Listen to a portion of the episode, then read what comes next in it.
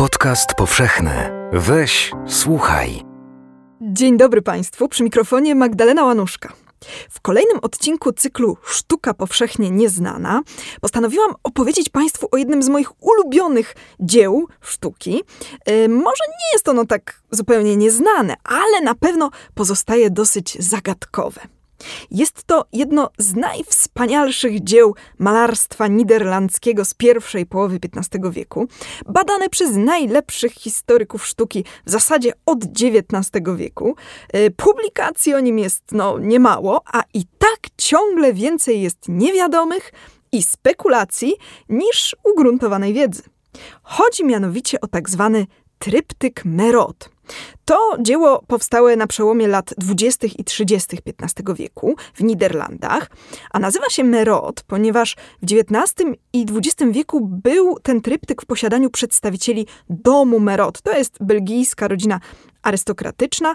No a w 1956 roku został zakupiony przez Metropolitan Museum of Art w Nowym Jorku i tam znajduje się do dziś.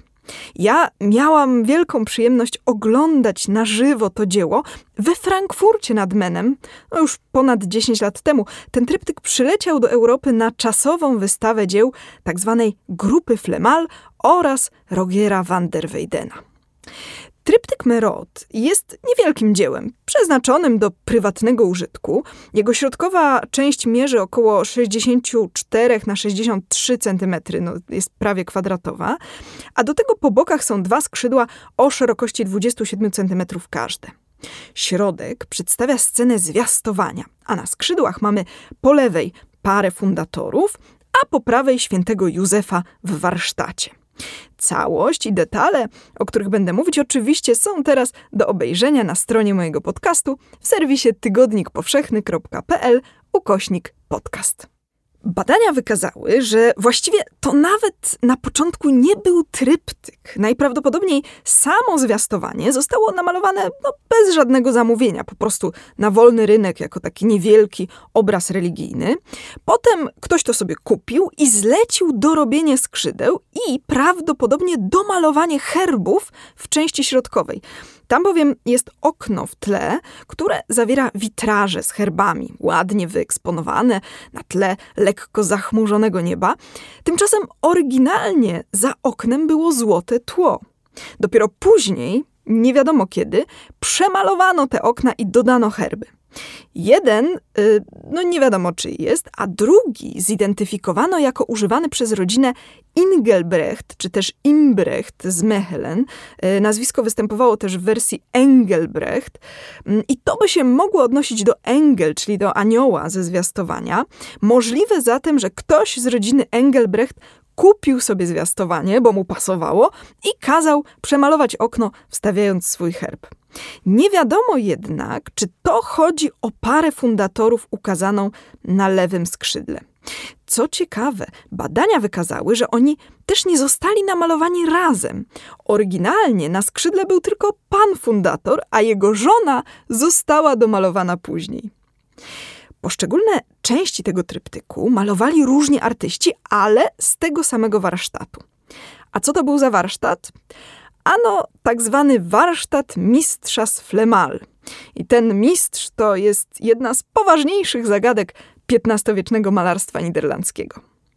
Nazwa Mistrz z Flemal wywodzi się od trzech tablic, dzisiaj przechowywanych w Muzeum Stedel we Frankfurcie nad Menem, które są pozostałością jakiegoś ołtarza. Muzeum zakupiło je w 1849 roku jako pochodzące z opactwa we Flemal. No i jakoś nikt w pierwszej chwili nie zwrócił uwagi na to, że w miejscowości Flemal, to jest w Belgii, niedaleko Lierz, nie było nigdy żadnego opactwa. No i tak ta nazwa została. Tablice z Flemal, chociaż chyba wcale stamtąd nie pochodzą.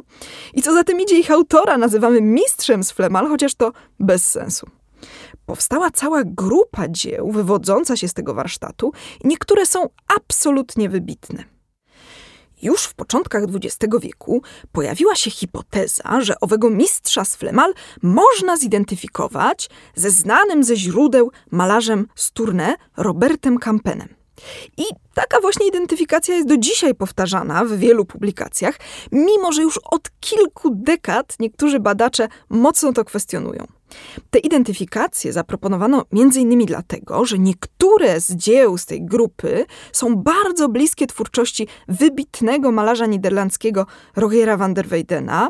No a wiemy z dokumentów, że Roger przez kilka lat pracował właśnie w warsztacie Roberta Campena.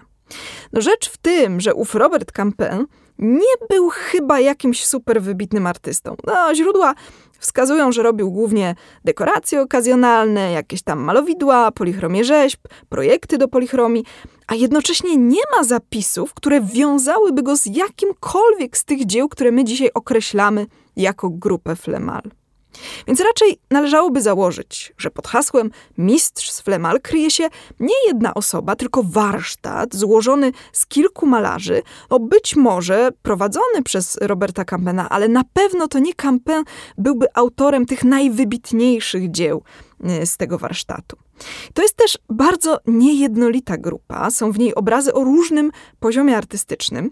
I powiem Państwu, że to tak działa, to jest okropnie frustrujące, że mamy jakiś obraz i potem znajdujemy inny, podobny, no, uznajemy zatem, że oba namalował ten sam malarz, a potem znajdujemy jeszcze następny, podobny do tego drugiego, i kolejny, podobny do tego trzeciego. I tak stopniowo budujemy dużą grupę dzieł, które określamy jako namalowane przez jednego malarza. I wtedy patrzymy na całość i okazuje się, że gdzieś po drodze coś tak się rozjechało, no że może i owszem, pierwszy obraz jest podobny do drugiego, drugi do trzeciego i tak dalej, ale rezultat jest taki, że pierwszy obraz tej grupy i ostatni są w ogóle do siebie niepodobne. No i to jest właśnie taki przypadek. Więc ostatecznie nie jest tak, że dzieła grupy Flemal możemy uznać za dzieła jednego artysty. Sztuka powszechnie nieznana. Opowiada Magdalena Łanuszka. Wróćmy teraz do samego tryptyku Merot. W środkowej części mamy zwiastowanie, które ma miejsce w mieszczańskiej komnacie, wypełnionej meblami i sprzętami no, typowymi dla Niderlandów w XV wieku. Maria siedzi obok dużego stołu, ale jakby na ziemi, bo jest skromna i pokorna, a jednocześnie opiera się o ławę z rzeźbionymi lwami. I teraz z jednej strony wiemy, że takie ławy rzeczywiście były w użyciu w XV wieku, ale z drugiej strony to też może być symboliczne odwołanie do biblijnego tronu Salomona, który był zdobiony właśnie przedstawieniami lwów. I pod tym kątem takiego znaczenia symbolicznego interpretuje się też inne przedmioty na tym obrazie. Popatrzcie Państwo na reprodukcję i zwróćcie uwagę, że cały ten widok wnętrza wydaje się koślawy i nieporadny. No tu nie ma jeszcze renesansowej perspektywy zbieżnej, ale przede wszystkim ta koślawość jest spowodowana specyficznym ujęciem blatu stołu. Bo gdyby nie ten stół, to by było nawet nieźle wykreślone wnętrze, a ten stół jest ukazany jakby pod innym kątem patrzenia. To prawdopodobnie nie jest błąd, tylko zabieg, mający na celu skupienie naszej uwagi właśnie na tym stole i na tym, co na nim leży. Jest tam dzban z lilią, no to jest odniesienie do czystości, do dziewictwa Marii. Jest też książka, a drugą książkę Maria trzyma w dłoni. I one dwie razem mogą symbolizować Stary i Nowy Testament, bo zwiastowanie to jest moment wcielenia, kiedy właśnie Stary Testament przechodzi w Nowy. Ale jest też jakiś taki podłużny, zapisany pasek na tym stole, zwój. I to już nie wiadomo, co to jest. Poza tym jest bardzo dziwna, zdmuchnięta świeca, z której jeszcze unosi się dym. W zwiastowaniach zdarzały się niezapalone świece, takie nowe, czekające na użycie. Tutaj też zresztą taką mamy w świeczniku nad kominkiem. To może oznaczać oczekiwanie na światło zbawienia, które dopiero nadchodzi razem z Mesjaszem, który właśnie wciela się w człowieka. No ale zgaszona świeca, która przed chwilą się paliła, jest trochę bez sensu. Tutaj też ostatecznie nie wiadomo w czym rzecz, chociaż na przykład jest taka propozycja interpretacji, że to ma ukazywać tchnienie Ducha Świętego. Że tchnął, Maria stała się brzemienną, a to tchnienie było z takim rozmachem, że przy okazji świeczka zgasła. Przede wszystkim jednak ten moment wcielenia jest tutaj bardzo wyraźnie zaznaczony y, przez motyw, który nazywa się puer parvulus formatus. Jest to po prostu malutkie dzieciątko Jezus z krzyżem, które leci w stronę Marii. Wleciało ono przez zamknięte okno, nie tłukąc szyby, to się odnosi do dziewiczego macierzyństwa Matki Boskiej, i leci w kierunku łona Marii, gdzie będzie się rozwijać przez kolejnych dziewięć miesięcy. Problem z tym motywem jest taki, że on jest błędny teologicznie, ponieważ sugeruje, że wcielenie nastąpiło gdzieś poza łonem Marii i gotowe dzieciątko zostało zaimplementowane do jej łona. No, tymczasem rzecz miała się zgoła inaczej. Istotą wcielenia miało być to, że ciało Chrystusa miało w całości powstać z ciała Marii. No i dlatego ten motyw w XVI wieku został w sztuce zabroniony. No a na koniec zostawiłam jedną z ciekawszych kwestii, mianowicie przedstawienie świętego Józefa na prawym skrzydle tryptyku. On został pokazany jako XV-wieczny rzemieślnik. Ma swój warsztat, ma witrynę, lada otwiera się na rynek miasta. No i różne narzędzia, które widzimy, można odnieść także do zapowiedzi męki Chrystusa, do narzędzi męki. Oraz, co ciekawe, na stole leży pułapka na myszy.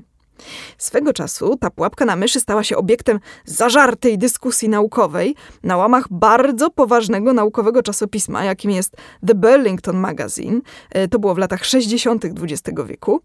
Otóż imć Irving Zupnik dowodził, że to, co tam leży, to wcale nie jest pułapka na myszy.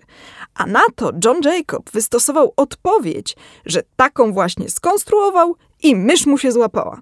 To jest, proszę Państwa, zupełnie wyjątkowy przykład empirycznego podejścia do analizy dzieła sztuki. No a o co chodzi z tą pułapką na myszy? No, może chodzić o to, że mysz symbolizować mogła diabła. I w zwiastowaniu czasem pojawiały się też koty, czyli żywe pułapki na myszy, bo to jest moment, kiedy diabeł wpada w pułapkę, następuje wcielenie Mesjasza i nadchodzi zbawienie świata. Ważnym elementem tej pułapki jest święty Józef, mąż Marii, bo diabeł, wiedząc, że Mesjasz narodzi się z dziewicy, nie brałby zamężnej Marii pod uwagę. A tymczasem, no, Józef jest pułapką. Oficjalnie mąż, ale w rzeczywistości nie mąż, no bo Maria pozostaje dziewicą. Dlatego zapewne także tutaj ukazano Józefa, jak robi najprawdopodobniej parawan do kominka, taką ochronną osłonę, którą się stawia przed ogniem, bo on sam jest osłoną Marii przed zakusami diabła. Ale żebyście też Państwo wiedzieli, że pojawiły się na temat tego świętego Józefa seksualne interpretacje i to w publikacjach no, skądinąd poważnych badaczy, jak y, Felix y, Türleman, ponieważ Józef ukazany jest w momencie, kiedy drąży dziury w desce. I ta propozycja interpretacji jest taka, że to jest wyraz jego frustracji seksualnych jako męża, który nie skonsumował swego małżeństwa. I to nie jest wbrew pozorom całkiem pozbawione sensu, bo kiedy przyjrzymy się różnym późnośredniowiecznym przedstawieniom świętego Józefa, no to się okaże, że w wielu przypadkach on występował w takiej lekko satyrycznej roli, wpasowując się w bohatera ludowej farsy, starego męża młodej żony, który będzie wychowywał nie swoje dziecko. A przedstawienie Józefa, który wierci dziury w desce, a obok leży pułapka na myszy, znajdziemy także na przykład w niderlandzkim obrazie Pokłon Trzech Króli, datowanym około 1480, dziś przechowywanym w Galeria Colonna w Rzymie. I może tu warto wspomnieć, że mysz także mogła symbolizować nie tylko ogólnie diabła, ale bardziej precyzyjnie grzech w kontekście seksualnym, pokusę, czy też wprost kobiece narządy płciowe. Wśród średniowiecznych ludowych opowiastek znajdziemy nawet taką zatytułowaną La Cerisette des Etopes, która opowiada o tym, jak pewna pani wmówiła swemu świeżo poślubionemu małżonkowi, że nie mogą skonsumować małżeństwa, ponieważ ona zostawiła swoją pochwę w domu matki. Ów zaś, no, pobiegł tam, a teściowa dała mu kosz, z którego wyskoczyła mysz. i naiwny pan młody uwierzył, że to właśnie były pokryte futerkiem narządy płciowe jego żony. I zaczął gonić zwierzę w celu skonsumowania małżeństwa, no ale mu się nie udało, bo mysz uciekła. Na szczęście dla myszy. Czyli wiemy, że w średniowieczu krążyła satyryczna opowieść, nabijająca się z mężczyzny, któremu żona nie daje, a który jest ośmieszony jako goniący mysz. I nagle w takim kontekście przedstawienie świętego Józefa z pułapką na myszy, no faktycznie zaczyna budzić rubaszne skojarzenia. Aby obejrzeć zdjęcia tryptyku Merot, wejdźcie Państwo na stronę mojego podcastu w serwisie Tygodnika Powszechnego. Zapraszam także na moją stronę posztukiwania.pl. Zachęcam Państwa do kontaktu ze mną. Wszelkie komentarze i uwagi odnośnie podcastów są bardzo mile widziane. I przy okazji może od razu podziękuję profesorowi Juliuszowi Raczkowskiemu, który po emisji poprzedniego mojego podcastu o animowanych krucyfiksach zwrócił mi uwagę na nowe i nieznane mi wyniki badań odnośnie jednego jednego z nich. I jeśli by to Państwa interesowało, to na stronie tego poprzedniego odcinka została opublikowana notka z dodatkową informacją na ten temat. Teraz zaś bardzo Państwu dziękuję za wysłuchanie dzisiejszej opowieści i do usłyszenia w połowie kolejnego miesiąca.